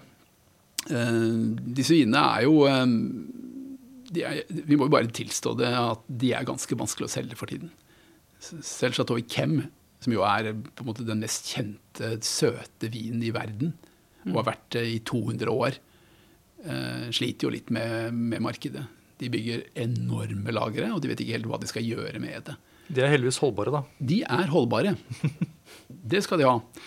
Problemet er at de har prøvd å selge disse inn til asiatene, f.eks. De tenkte kanskje de kunne være interessert i å bruke de til, til, til noe. Eh, og Det har nok litt å gjøre med at eh, kostholdet vårt har forandret seg. Dessertene våre har forandret seg. Hvem har egentlig lyst til å starte måltidet med gåselever og en søt vin? Det er som å starte et måltid med en, eh, med en softice. Altså. Det, er liksom ikke det du har lyst på. Og du har i hvert fall ikke lyst på det til slutten av et måltid. Og så er det jo også sånn da, at en god blå ost med en gammel sautern eller en gammel barsak er jo faktisk kjempegodt. Faktisk. Det Men, er det. men, men det er vanskelig å selge disse vinene. Eh, og um, de klør seg i hodet. De har klørt seg i hodet nå så lenge at de har vel knapt nok hår igjen. De har holdt på med dette her nå i flere tiår for å forsøke å knekke den koden. Hvordan skal vi klare å selge disse vinene i åra fremover? Men, eh, men det er jo faktisk allerede sånn i dag at det er eiendommer i, i dette søtvinsområdet som faktisk er forlatt. Nettopp. De gror igjen, Ja. helt enkelt. Det er ikke, det er, og det er ganske kostbart òg. Selv i sautern. Selv i, i, i, i dette området så er, det, så er det, det, det, er en, det er en berettiget bekymring for at disse vinene på mange måter dør ut. Det er klart Du vil alltid ha Ikem, og du vil alltid ha liksom Climance. Det er alltid noen av disse eiendommene som liksom klarer å holde på en måte hodet over vannet og produsere det de gjør. Og det vil alltid være nok folk i markedet til at det er en viss interesse for det. Men jeg vil tro at eh, det er der det er. Det markedet blir ikke stort igjen, tror jeg. Nei. Men det er jo jeg synes det, er, det er jo synd, for det er jo fantastiske viner. Og så tenk på den prisen de tar, er jo, står jo ofte ikke i forhold til alt det arbeidet som ligger bak. Det er jo Kjempejobb. det er helt vanvittig. Det er helt enorm jobb. De går jo vinmarkene liksom dag etter dag etter dag etter dag. De plukker liksom tre druer, og så kommer de tilbake igjen dagen etter og plukker to til. Og sånn holder de på. Det er jo bare så arbeidsintensivt. Og så får du bare noen få dråper ut. Det er kjempevanskelig. Jeg husker jeg jo, og tidligere sjef i Vinmonopolet, Kai Henriksen, var jo og spiste lunsj hos, eh, hos en eiendom eh, eh, i den regionen. Da ble det servert en del eldre årganger Chateau Chem til gjennom et helt måltid. Altså hele måltidet, liksom. Hummer og, og greier. Kanari. Eh, Altså, jeg, jeg gjorde jo et ærlig og oppriktig forsøk. altså. Jeg tenkte at eh, nå får vi se om det går. Er det mulig å sette den type vin til den type mat? Jeg må si jeg var ganske glad når det måltidet var over. altså. Da kjente jeg liksom at ja, jeg skal ikke ha noe dessertvin jeg nå på tampen av dette måltidet her. Det går bare ikke. Eh, Så det, det er ikke lett, det der. Og det, jeg tror ikke det blir noe spesielt enklere etter hvert som åra går. Det er kanskje å strekke strikken litt vel langt da, og ta det over et helt måltid. Det var å trekke den ganske langt, ja. Ja, det er vel det man kan kalle meditasjonsviner. Det bør helst være for seg sjøl. Ja, kan smøre på gommene. Så er det dette med lagring, da. Ja. Uh, hvis du er sånn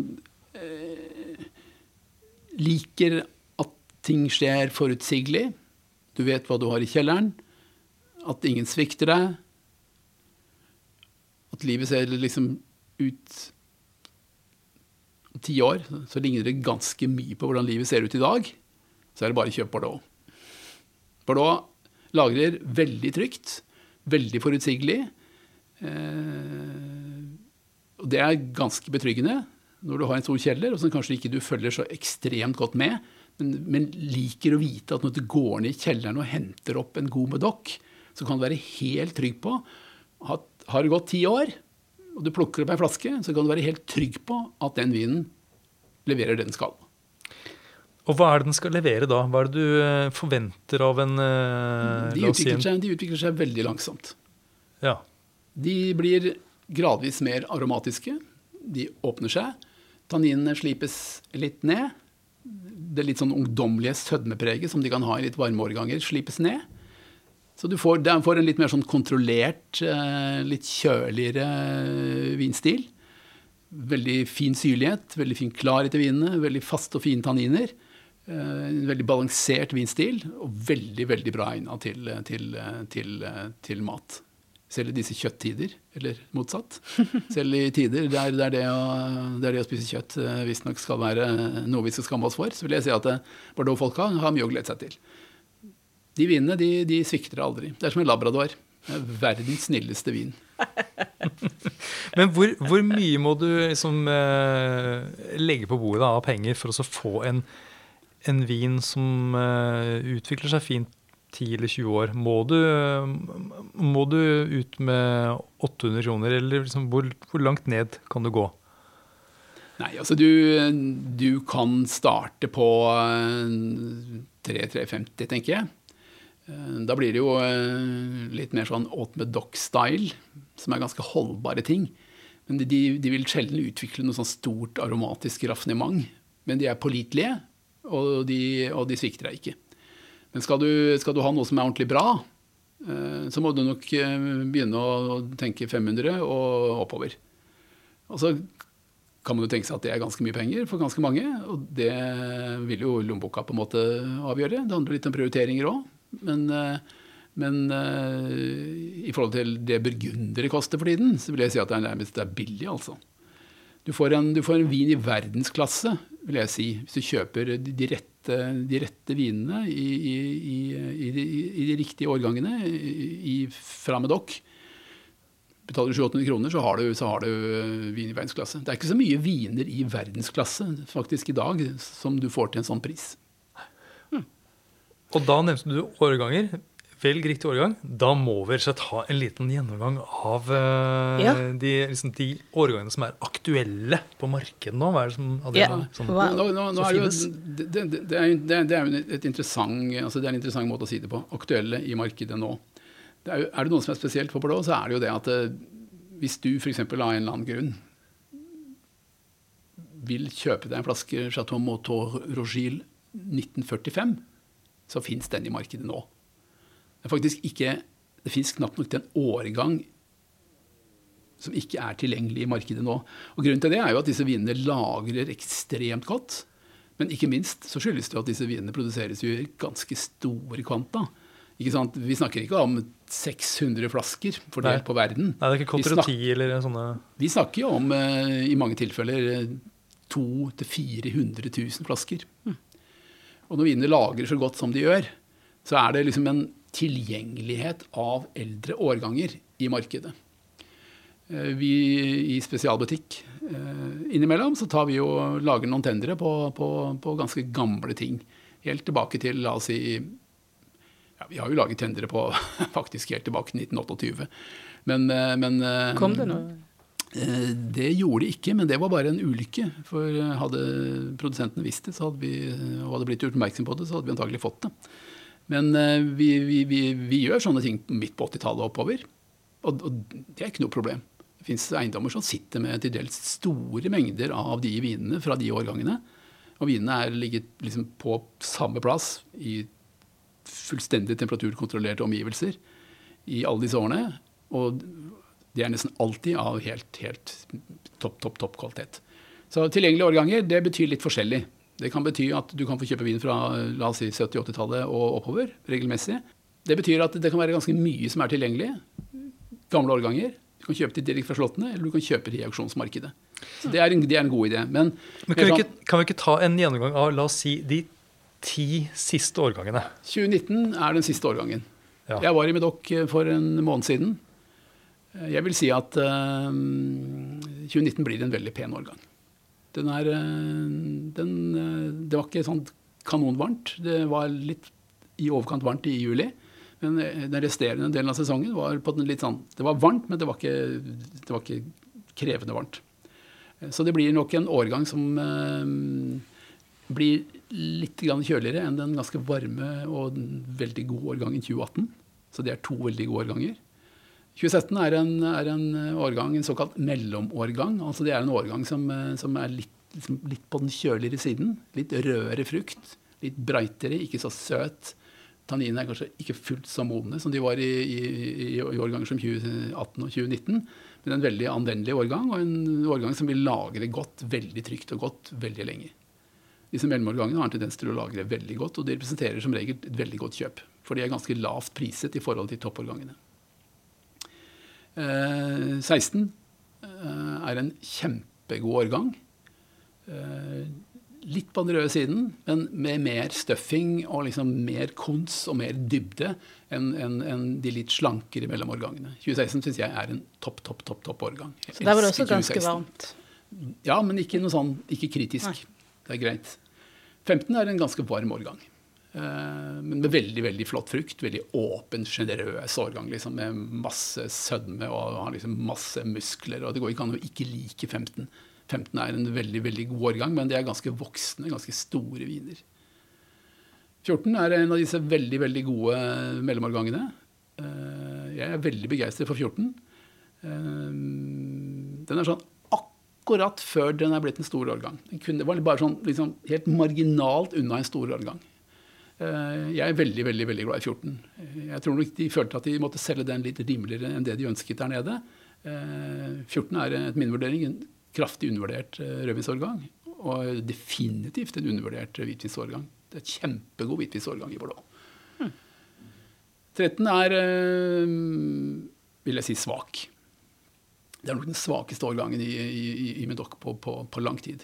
Det er til en ganske god rødvinsårgang. Rødvins... Hvitvinsårgang. Ja, nettopp. Unnskyld. Ja.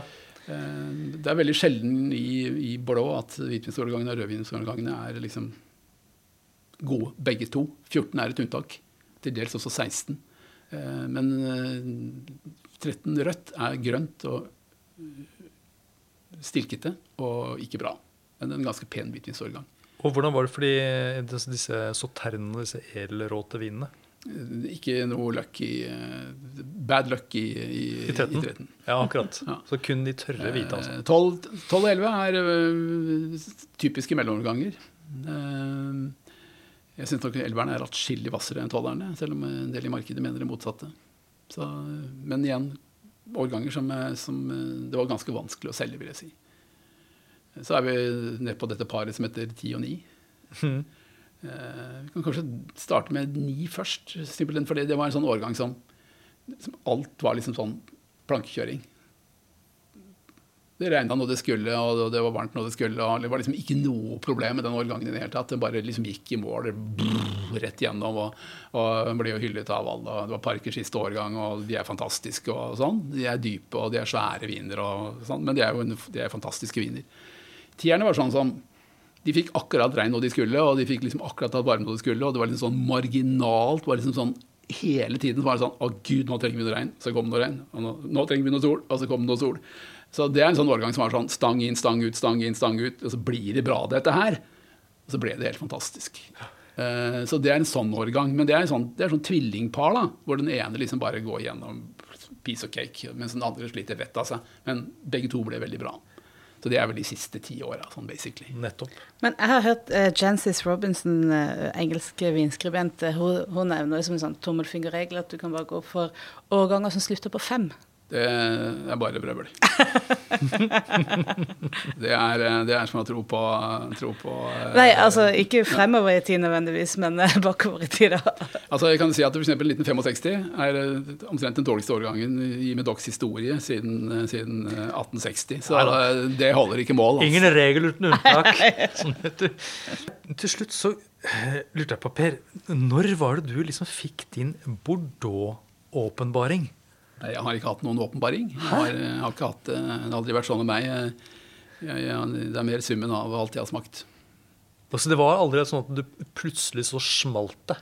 Nei, jeg har, smakt, jeg har smakt mye med mye sjenerøse og hyggelige folk opp gjennom åra. Folk som har latt atskillig bedre råd enn det jeg har hatt. Så jeg har fått hatt det privilegiet å kunne smake ekstremt mye bra vin. Ja. Det gjør jeg stadig eh, sammen med sånne folk. Eh, Så det har ikke vært sånn at det har vært én enkelt flaske som har, som har satt Bordeaux på kartet. for Nei, for du hadde ikke en kjæreste fra Bordeaux, eller eh, Nei, men det, at du var 18 en, år på tur en- i Bordeaux, eller Nei, nei ikke, ikke, Nei. Ikke, ikke på den måten. Men, jeg har, jo, eh, men jeg, har jo, jeg har jo venner som åpner ting som Som åpner ting som eh, Som ikke fins, egentlig, lenger. Vi hadde en flaske eh, Chateau Lafitte 1900 her i fjor. Som var sånn Helt sånn magisk vin ungdommelig. Superungdommelig. Jeg prøvde meg litt blind på den. Jeg, jeg, jeg tror det var 1961 eller noe sånt. Ja. Helt sånn uforståelig ung vin. Men den, den var jo en, det var en flaske som var murt inn bak en vegg hos en negosiant i Bordeaux. Rett Altså, Første verdenskrig var jo en krig som liksom gikk litt sånn. Det var en skyttergravskrig, men det var jo perioder der det kunne se ut som Tyskland eh, faktisk eh, ville vinne den krigen. Eh, og da var det ganske mange som murte inn både smykker og alt mulig annet rart. Og den ble murt inn bak en vegg. Og den ble først funnet igjen ved en renovering ganske nylig. Ja, det er ca. 20 år siden. Og den, den flaska kom fra den kjelleren, og det var en helt fantastisk vin. Så, eh, men som sagt, det er ikke noe sånn en eller annen gang i tidenes morgen da jeg var ung gutt, så smakte jeg en fantastisk vin som gjorde at jeg ble glad i Bordeaux. Det er ikke det. Det er bare for, ting som har gått på seg liksom underveis. Ja. Ja, for det er noe med Bordeaux som er kanskje litt lite tilgjengelig, som krever at man liksom er litt utholdende og Ja, de er jo ikke sånne viner som De er ikke noen sånn flashy viner. Nei. Veldig sjelden det er det. Det er en eh, vintype som er ganske krevende, vil jeg si. Litt mindre krevende i dag med global oppvarming enn enn i gamle dager. I gamle dager så kunne de være veldig veldig, veldig krevende og, trå og, ganske vanskelig å elske. Eh, men i dag så er det litt annerledes. Det er, eh, for den globale oppvarmingen har bare vært en, en, en, en Hovedsakelig, da. Jeg vil ikke si 100% men den har nok hjulpet blå ganske mye. Det er atskillig bedre og mer moden frukt. eh, Flottere frukt i vinene i dag enn det har vært eh, tidligere. Mm. Før så var det liksom én og annen årgang, én til to årganger hvert, hvert tiår, som, som hadde på en måte god modning. I dag så, så kommer det mer regelmessig. Og så jobber de også vinmarkene sine på en helt annen måte. Og de har jo helt annen type produksjonsutstyr. De kan liksom styre på en måte vinstilen mer enn de kunne i gamle dager. Jeg kan, si, ja. jeg kan si den siste sånn ordentlig sånn old school-årgangen jeg kan huske i blå. Det var i 1975. Det var det første året jeg kjøpte ganske mye av. Og der, i ettertid så, så sier jo alle folk liksom der nede at det, vi plukka for tidlig i 75. Vi trodde liksom at det var riktig å plukke, men vi burde ha ventet. Eh, for det, den fenolske altså tanninmonningen var ikke noe i nærheten. Så de vinene var altså så trå og tørre. altså De var helt sånn der djevelsk harde. Og de var harde. De er jo steinharde, mange av de fortsatt. Men liksom, end of the day Jeg var 20 år da, nå er jeg 64. De beste 75-ene har blitt majestetiske, flotte, faste, tørre, litt stramme viner, men de har modnet seg frem liksom til, liksom, til noe som faktisk er blitt veldig fint. Ja. Litt sånn som deg, Per. Ja, jeg ser det. Så det, det tar sin tid. Det tar sin tid. Men Bordeaux har en, eh, fortsatt en lys framtid, da, tydeligvis. Jeg vil si at Bordeaux har en lysere fremtid enn Ja. en, en, egentlig på lang tid. De, I motsetning til ganske mange deler av Europa og deler av Frankrike, så har de, ligger de så langt uh, ut mot kysten. De har et um, atlanterhavsklima som er ganske kjølig i store deler av året, og de har godt med regn. Eh, og det er ikke sånn at, eh, at eh, alle årganger er like i det hele tatt. Vi som har jobba med Bordeaux i en del år, vi vet jo at selv i disse tider med global oppvarming og sånn, så er det jo ingen årganger som er noe i nærheten av like, altså. Så det er, det er, det er, det er ikke sånn at, at nå har vi liksom Napa-stemning eh, i Bordeaux. Det har vi ikke. Det Noen var redd for det når Ja. 2003 kom. Som det For det var veldig, veldig varmt. For det var ekstremt varmt, og folk trodde at nå er, nå er liksom Napa nå, nå blir Bordeaux som Napa. Men eh, det ble det definitivt ikke. Så, så vinstilen er i de aller fleste årgangene egentlig ganske kjølig og, og, og, og disiplinert, vil jeg si. Ja, så de er fremdeles, unntak. de er fremdeles litt nervøse for været. Det er klart de er det. De er jo hele verden. Så Ja. det, er ikke noe, er det er ikke noen grunn til å ikke være det. Men eh, jeg vil si at eh, avslutningsvis for meg i hvert fall jeg, Det produseres bedre vin i blå i dag enn det er gjort noen gang før. Det er en fin eh, ting å ta med oss inn i fremtida. Tusen Eh, har vi litt tid til? Ja. Hva er det nå du tenker på? Jeg tenker på at um, lys, lyse utsikter i Bordeaux, ja, kanskje. Det er noen mørke skyer. Å ja. uh, og det handler nok en del om at eh, det bygges en del lagre i Bordeaux. Negosiantene, altså de handelsmennene som sitter i, i Bordeaux by, eh, bygger eh, lagre. Det er ikke noe de ønsker. Eh, Slottene bygger lagre. Det er ingen som snakker noe særlig om dette. Det er, det er ikke så lett å selge disse vinene. De, de har jo et ganske høyt prisnivå. Um, Men når du sier bygg og lager, da er det ikke noe de gjør bevisst holder igjen? Det er fordi de blir ikke kvitt De, en del eiendommer holder igjen ca. 10% nå for å selge de på et senere tidspunkt. Det er ikke det vi snakker om. Vi snakker om at, er, eh, at eh, spesielt mellomårgangene har blitt ganske vanskelig å selge. Ikke fordi at kvaliteten er dårlig, jeg mener jeg vil si at mellomårgangene har aldri vært bedre enn de er i dag. Men eh, jeg mener at blåmarkedet må ned i pris på mellomårgangene. Jeg mener de må ned 30-40% i forhold til toppårgangene for for, for å få solgt de. Jeg tror det hadde vært bra. Jeg tror det ikke minst hadde vært bra i forhold til den generasjonen som vokser opp nå. At de kan kjøpe seg en god flaske blåvin til en fornuftig pris og bli kjent med de vinene, faktisk. For nå er det jo sånn i Frankrike og i store deler av verden at det er ganske mange folk som blir yngre folk, som i, utgangspunktet har pengene, for så vidt. Men de gidder bare ikke. De gidder ikke. De syns det eh, det er ikke value for money. Det er ikke, det det er ikke gode kjøp. Eh, De kjøper heller noe vin fra Languedoc eller fra eh, Loardalen eller fra andre steder. Og de store eiendommene har ikke lyst til å prise seg så lavt på mellomårgangene. Og det gjør at eh, når det er så mange mellomganger i løpet av ti år, så, så blir det ganske vondt å selge de vinene. Og så skyver de jo ansvaret da over på Nicosiagne. Og de gjør det jo på den måten at de sier at skal dere ha noe toppårgang, så må dere kjøpe hver årgang. Nicosiagne Negosiantene syns ikke det er så veldig stilig, for det er jo de som blir sittende og slite med det. Men den, den, den måten å løse den gordiske knuten på, det er jo bare liksom å kappe den i to og si at eh, vi kjører ned prisene sånn at vi ikke liksom mister én til to generasjoner til av, av yngre folk. Som egentlig burde vært tjent med å bli kjent med vinene våre til en pris som de kan leve med. Er dette noe de snakker om, eller altså diskuteres dette her, eller er det bare noe du tenker? Jeg har vært her nede og snakket med folk, og, og som sagt, eh, negosiantene kan gjerne snakke om det. Eh, Slåtten er nok litt mindre interessert i å snakke så veldig mye om det. Men de de reiser jo land og strand rundt i hele verden for å liksom å forsøke å finne nye markeder for disse vinene. Og det hadde de ikke giddet hvis de ikke hadde hatt noe vin å selge.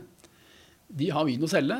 eh, eh, Det har de definitivt. Men det er vel det største problemet at de vil ikke gå tilstrekkelig ned i pris på, på, på, på mellomårgangene. Det er på mange måter en, en, det er en stor utfordring. Og det er, nok, eh, det er nok en liten mørk sky over himmelen i, i, over Bordeaux by i disse dager, vil jeg si. Men, eh, men det, vil, det vil kanskje tvinge seg fram etter hvert? da, At det vil eh, bli en reduksjon i pris på disse mellomårgangene? Det har de holdt på med i mange år. De vil ikke. De vil ikke langt nok ned. Eh, Jeg husker Parker sa det, det var vel det siste han sa før han ga seg i, eh, med årgangen 2002-2009. Da sa han vel at han hadde anbefalt folk å gå ned 30-40% i forhold. Han syntes ikke at disse mellomårgangene eh, skulle koste det de kostet. Han mente de var altfor høyt priset i forhold til kvaliteten. Eh, Det gadd ikke de å høre på. Parker var litt sånn litt fornærmet, da, naturligvis. Han har vært en viktig mann i blå i alle år, og syntes nok at de burde høre på han. Men akkurat det gadd de ikke å høre på. Eh, og det, er, det er krevende, altså. Det er krevende, fordi Vi må huske at de lager ikke 600 flasker vin. Det er ikke to fat borti en krok. Vi snakker liksom om 300 000 flasker vin. Det er ganske mye vin å selge. Eh, så, så det, dette er litt krevende. Eh, jeg tror nok det, det, det, dette, dette tenker de mye på. Det, det er liksom ikke noe easy fix her. Nettopp. Nei, hva sier du, Anders? Har Nei. vi fått eh, det vi trenger å vite? Eller? Ja. Det tror jeg ble en eh, rekordepisode. Tusen takk, Per, for at du delte med oss. Og takk til dere som hører på. Vi høres. Takk for at du hører på Vinmonopolets podkast. Har du forslag til et tema i podkasten? Send mail til podkast at vinmonopolet.no. I tillegg svarer kundesenteret deg på e-post, chat og telefon.